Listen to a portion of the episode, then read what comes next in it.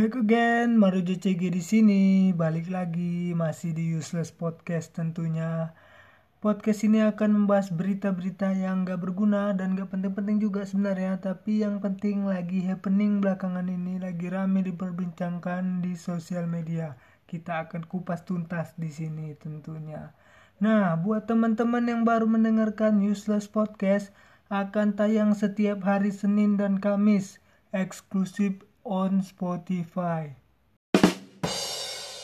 Berita pertama datang dari Korea. Jadi, baru-baru ini boyband asal Korea yaitu BTS berhasil merajai top chart Billboard Hot 100 dengan lagu terbarunya yang berbahasa Inggris yaitu Dynamite.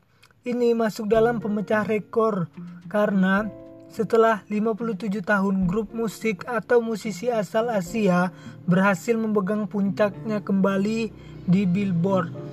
Kita sebagai orang Asia harus bangga atau enggak? Karena ini Korea masalahnya.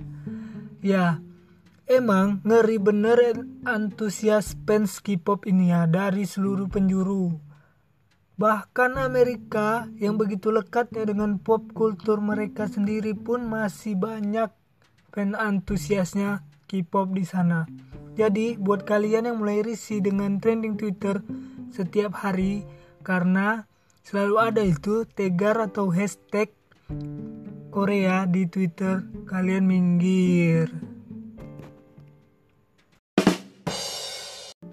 Berita kedua cukup meramaikan jagat dunia maya karena tiba-tiba mantan vokalis band Neji yaitu Giring Ganesha mencalonkan diri sebagai calon presiden 2024 mendatang yang dinaungi oleh Partai Solidaritas Indonesia atau PSI.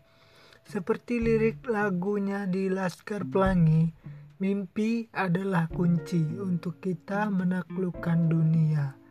Lirik ini pun menjadi meme di sosial media karena ambisinya yang begitu kuat.